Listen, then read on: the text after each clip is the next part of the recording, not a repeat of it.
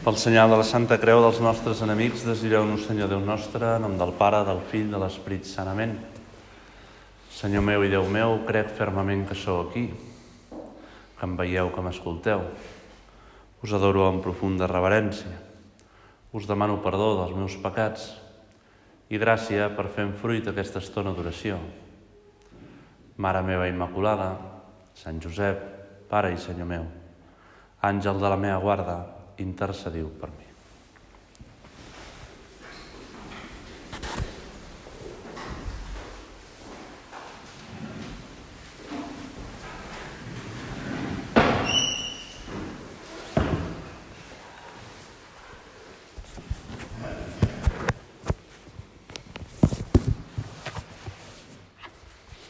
Vuestra eficacia, hijos míos, són paraules del nostre pare a la carta sobre els supernumeraris. Será consecuencia de vuestra santidad personal, que cuajará en obras responsables que no se esconden en el anonimato.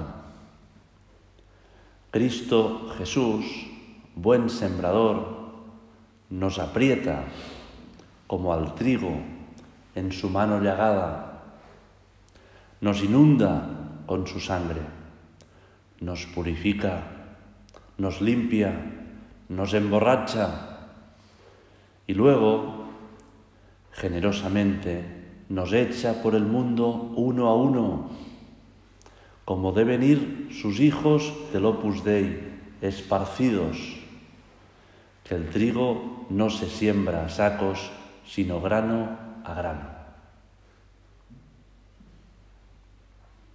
El nostre pare ens diu que el secret d'aquest esperit evangelitzador que és la identitat del supernumerari, l'ànima, és la santedat personal.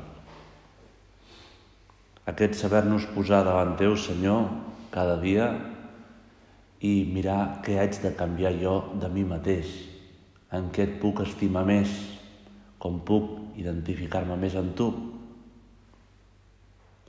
I nosaltres, en aquesta estona d'oració, podem mirar Jesús i pensar si realment sabem ser aquest blat espremut entre les mans nafrades de Jesús amarats amb la seva sang, esparcits cap al món, un a un. Sant Ignasi d'Antioquia escrivia una famosa carta als fidels cristians mentre era portat cap al martiri,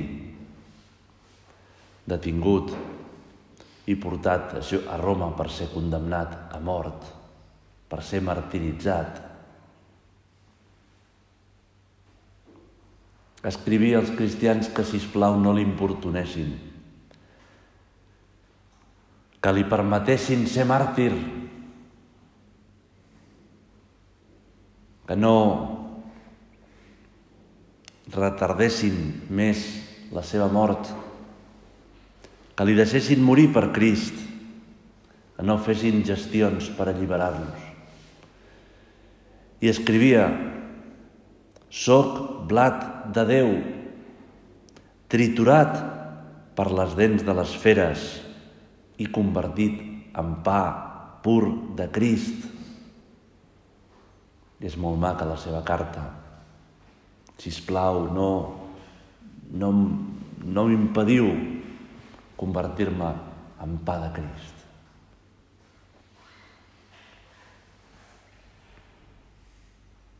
Penso que el nostre ser blat triturat no és per les persecucions, no és per les dents dels lleons. A nosaltres el Senyor ens demana el martiri de l'ordinari, del dia a dia,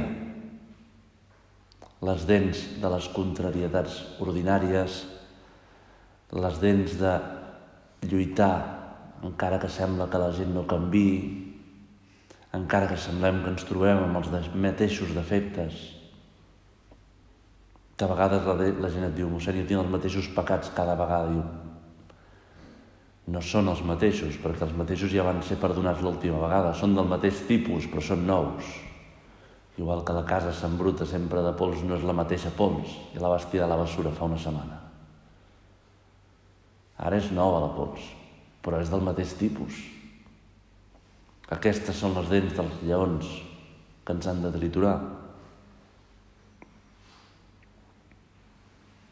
Llevar-se puntual, ordenar les prioritats del dia per no deixar de fer les normes, somriure a la dona, paciència amb els nens, aquests imprevistos de la feina, aquests tràfic més dens. Ara nosaltres, en aquesta estona d'oració, mirem el Senyor amb el que parlem, a qui escoltem en aquesta estona d'oració, que volem veure com l'Esprit Sant ens il·lumina les nostres ànimes. I pensem aquestes idees de la santedat personal, I podem pensar si en les nostres coses ordinàries sabem ser pelat triturat, si sabem entregar-nos, si sabem deixar-nos apretar entre la mà nafrada de Jesús quan ens apreten les coses.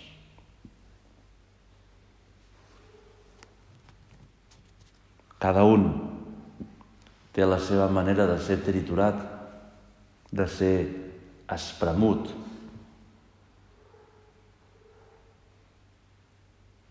A vegades em ve el cap aquesta gent que té molta afició a un equip de futbol i el dia següent d'una derrota pues estan ben espremuts, no? se'ls veu amb molta mala cara, no? i veus que no pots fer cap comentari. No?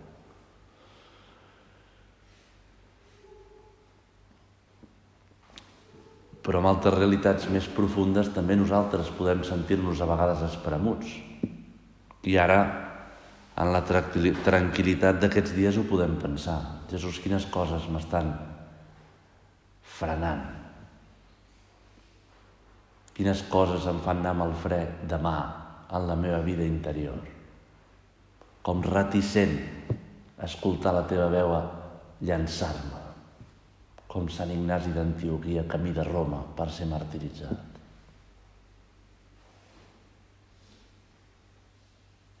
Una cosa imprescindible per això és saber escollir lo positiu, no quedar-se en lo negatiu. A tots ens succeeixen coses bones i dolentes. Ens acostumem a les bones i realcem les dolentes, ens fixem en les dolentes, ens obsessionem a vegades amb les dolentes, li donem voltes, ens queden gravades.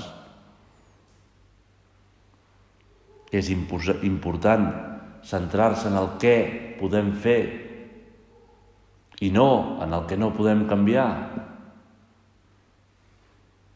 Tinc aquesta enfermetat, doncs jo no puc deixar de tenir-la, però puc portar-la amb alegria.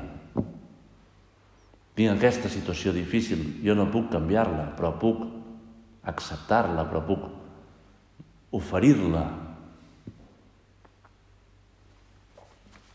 Centrar-se en el què podem fer i, en el, en, i no en el que no podem fer, que això és trepitjar de peus a terra, no somiar truites.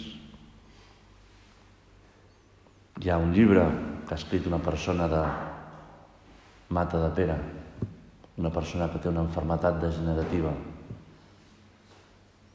Es titula Aprendre a morir per poder viure. I en una entrevista, quan va presentar aquest llibre, li van dir si haguessis de donar un consell en Xavi, ell es diu Xavi, i li van fer aquesta entrevista, si li haguessis de donar un consell al Xavi de fa uns anys, què li diries? després de tots uns anys d'experiència amb una enfermetat el va pagant. Què li diries? I els nois i noies que estan en una situació similar a la teva, què els hi diries? Té 25, 26, 28 anys. Contesta, per exemple, que sàpiguen diferenciar bé entre els problemes i les circumstàncies. Les circumstàncies són allò que no pots canviar i per tant ho has d'acceptar. I els problemes, allò que pots mirar de modificar cercant una solució.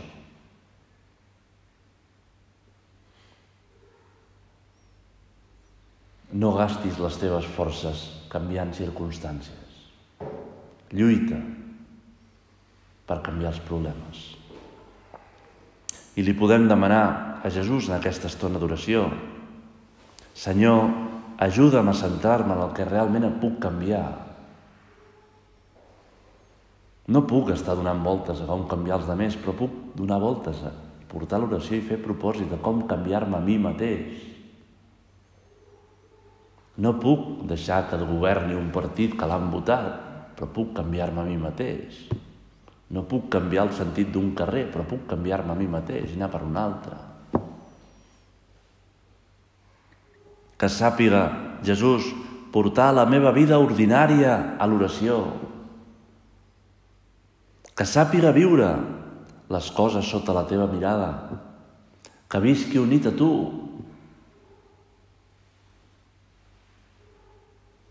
En el fons, nosaltres que som homes d'oració, el que estem demanant a Jesús és el més profund. Fruit de l'oració personal, volem ser un altre Crist, el mateix Crist. Que els meus pensaments, Jesús, siguin els teus pensaments. Quan tu també vas patir circumstàncies i dificultats, problemes i circumstàncies quan tu et vas trobar coses que tampoc tu podies canviar. Quan tu et vas trobar coses que no anaven bé. Que els meus pensaments, Jesús, siguin els teus pensaments. Que els meus desitjos siguin els teus desitjos. Que els meus sentiments siguin els teus. Que sigui un altre Crist, el mateix Crist però en les circumstàncies concretes que em toquen viure a mi personalment. Hi va haver uns anys de la història de l'Església que es va posar de moda una forma de resar que es deia quietisme. S'intentava arribar a la manera més alta de l'oració, que és la contemplació, de, estant quiet. Era com un budisme a dins l'Església, però fa segles. La gent arribava a l'oratori, s'hi posava bé i estava allà com si prenés el sol. No s'interpel·lava. Intentaven, no sé, sentir-se penetrats per Jesús i ells a dins de Jesús, l'oració, la contemplació, la forma més alta d'oració. No hi havia ningú esforç personal. No hi havia ninguna lluita, ningú propòsit. No hi havia ningú portar un llibre que t'ajudés a l'oració. No hi havia ningú preparar l'oració. La conseqüència és que no hi va haver cap sant durant aquella època de l'Església.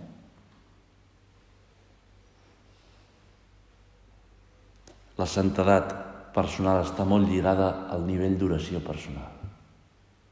Tu mires el grau d'oració d'una persona, el grau d'unió amb Jesús, i és la santedat personal. Nosaltres, dia a dia, hem de saber lluitar per fer molt bé l'oració, per saber-nos posar davant teu, Senyor, i demanar-te què m'estàs demanant amb aquesta situació. Què esperes de mi? I ara és una gran ocasió amb la tranquil·litat d'uns dies de convivència poder-ho fer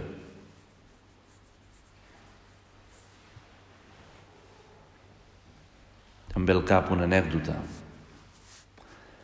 La inscripció que un bisbe anglicà fa uns segles, va voler demanar, va demanar que li escriguessin a la seva tomba de manera d'epitafi i està posat a la cripta de l'abadia de Westminster. Devia ser un bisbe important. Us el llegiré en. Cuando era joven y mi imaginación no tenía límites, soñaba con cambiar el mundo. Cuando me hice más viejo y sabio, descubrí que el mundo no cambiaría. Entonces restringí mis ambiciones y resolví cambiar mi país. Pero el país me parecía inmutable. En el ocaso de la vida, en una última tentativa, quise cambiar a mi familia, pero ellos no se interesaron en absoluto, arguyendo que yo siempre repetía los mismos errores. En mi lecho de muerte, por fin, descubrí que si yo hubiera empezado por corregir mis errores y cambiarme a mí mismo, mi ejemplo podría haber transformado a mi familia. El ejemplo de mi familia tal vez contagiaría a la vecindad. Y así yo habría sido capaz de mejorar mi barrio, mi ciudad, mi país y quién sabe, quizás cambiar el mundo. Això és el que ens hem de posar davant del. Amb què em demana Jesús que canviï jo? Què puc fer davant d'aquesta situació? Com puc canviar les circumstàncies? Com puc enfrontar-me a aquesta situació? Com puc oferir-te-les?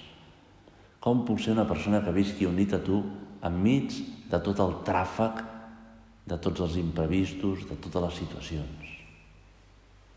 Què és el que em frena?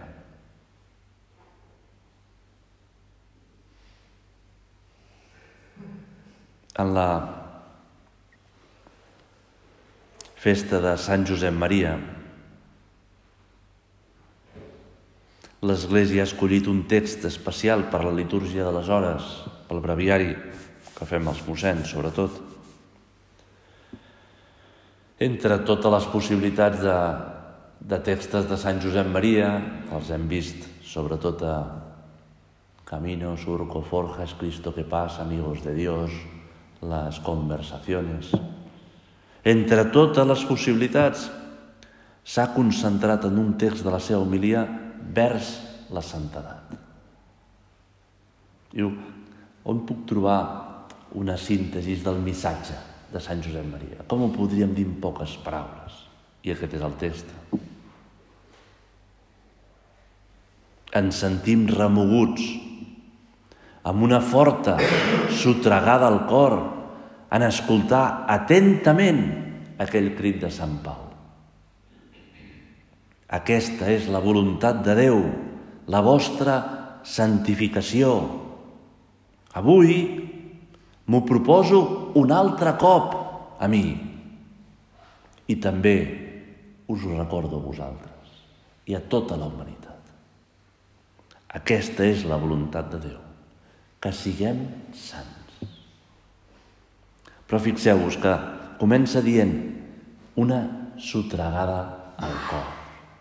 Sotregada al cor. No diu una llum al cap. No diu una llum a la intel·ligència, sinó al cor. Perquè està clar que lo important no és les paraules, sinó principalment qui et diu les paraules.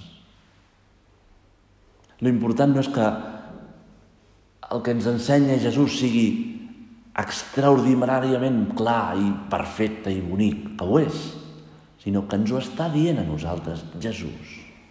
I per això fa aquesta sotregada al cor. Com canvia cada situació si jo, davant d'un problema, em sento mirat per Jesús amb un amor infinit, em diu, què? Seràs capaç de somriure en aquesta ocasió?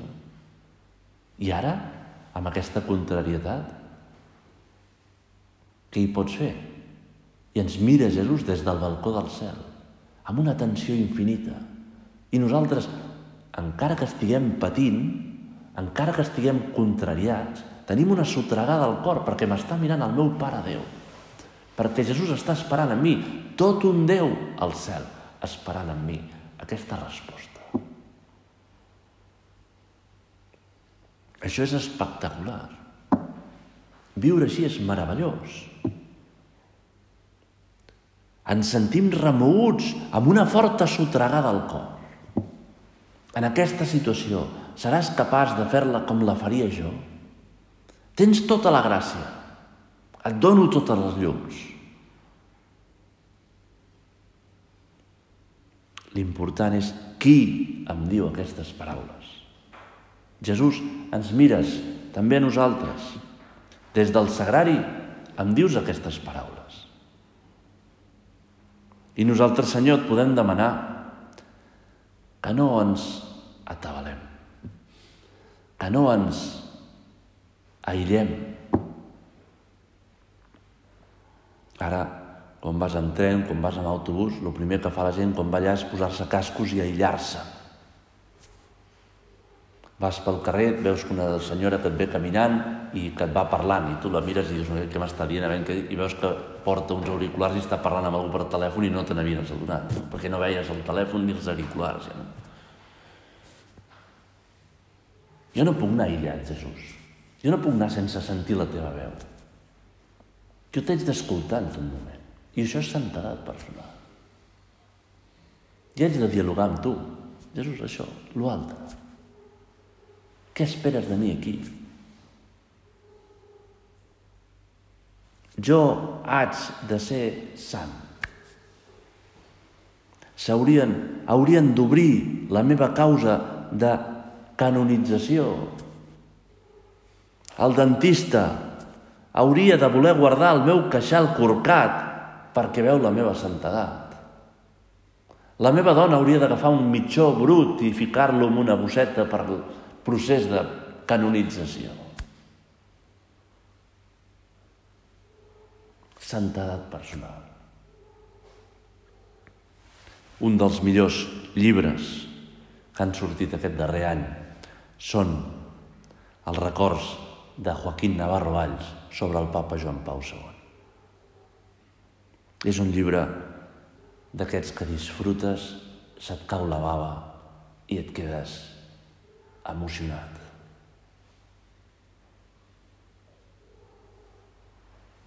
Explica que quan van ingressar el papa a l'Hospital Gemelli, l'última vegada, la, la Setmana Santa del 2005, Navarro Valls va acostar-se al secretari personal del papa, don Estanislao, amb el que tenia una amistat molt, molt, molt gran.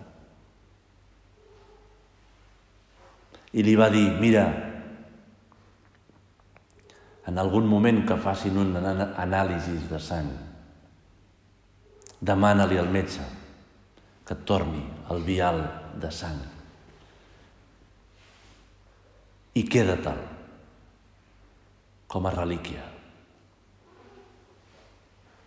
Perquè és una ocasió espectacular de tenir una relíquia d'una persona que és santíssima. Don Estanislao es va quedar parat, perquè no hi havia pensat, perquè estava atabalat amb el papa, perquè estava atabalat amb les mil coses del govern de l'Església. Però se li van obrir els ulls i va dir-li, i com ho faig, això? Navarro Valls, de formació de metge, li va dir, mira, demana al metge que posi algunes gotes d'anticoagulant al vial, en el potet de sang, i així se't conservarà.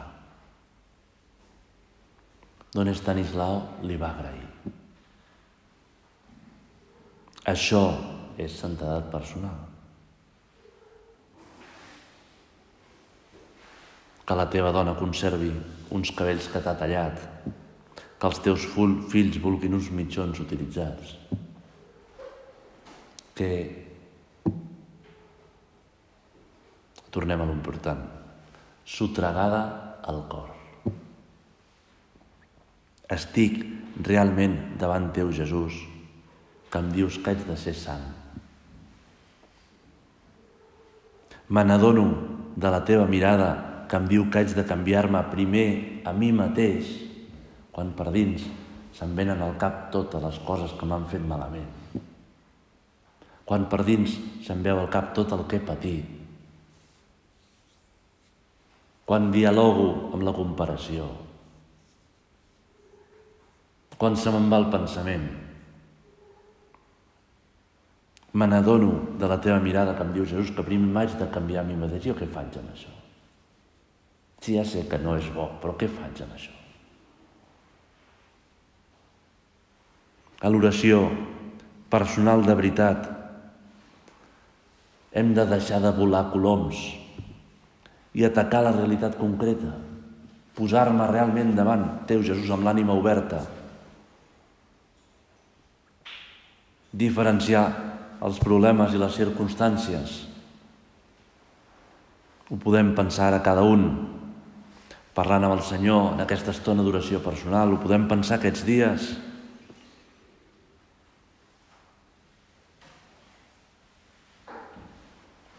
Tornem a la sotregada al cor. Ja hem vist que això del cor implica que estem davant de Jesús. Qui és el que en parla? Jesús. Però també implica una altra cosa, que és sentir, educar el meu cor, els meus sentiments, els meus anels, els meus desitjos. No ens podem quedar amb una racionalització. Cristians estirats, seriosos, freds, insensibles. Això és una deformació de la vida cristiana.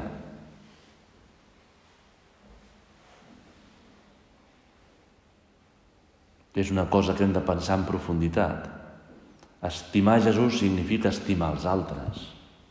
Acostar-nos a tu, Jesús, significa tenir sensibilitat per les coses.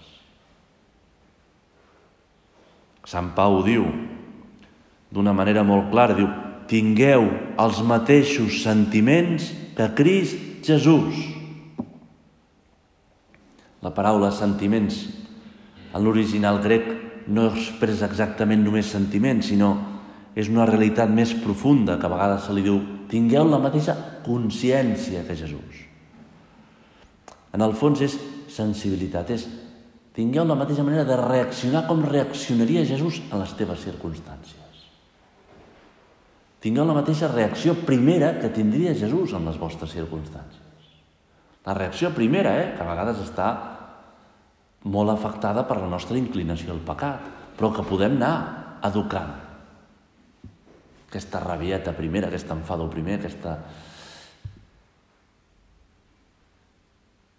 El que està clar és que amb aquesta paraula Sant Pau parla de com reaccionem davant les realitats exteriors que ens afecten, quina és la nostra resposta.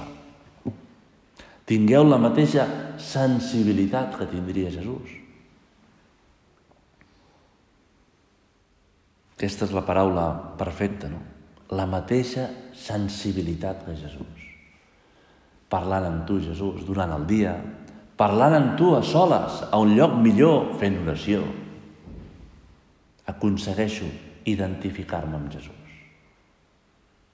Aconsegueixo amb la teva gràcia, Jesús, o aconsegueixes tu, més que jo, que tingui els teus sentiments. Cada acció que fem no només té un resultat exterior, sinó el més important és el resultat interior. Ens anem fent d'una manera concreta de ser una bondat, un importar-nos unes coses, un tenir uns sentiments i no uns altres. I al cap del temps tenim una sensibilitat. Jo vull ser així. Jo vull fer això perquè jo vull. Jo vull estimar com tu estimes, Jesús. I és molt bonic tenir el cor de Jesús. Acabem mirant a la Mare de Déu, la nostra Mare. Necessitem, Mare nostra, la teva ajuda. Necessitem la gràcia del teu diví espòs, l'Esperit Sant, per transformar-nos, perquè ens sentim lluns d'aquesta sotregada al cor, d'aquesta capacitat de no canviar el món en vez de canviar-nos nosaltres mateixos. Ens sentim lluny, ens costa, se'ns fa feixuc. Necessitem, Mare Nostra, la teva gràcia, la gràcia de l'Esprit Sant. Ajuda'ns, no ens deixis sol.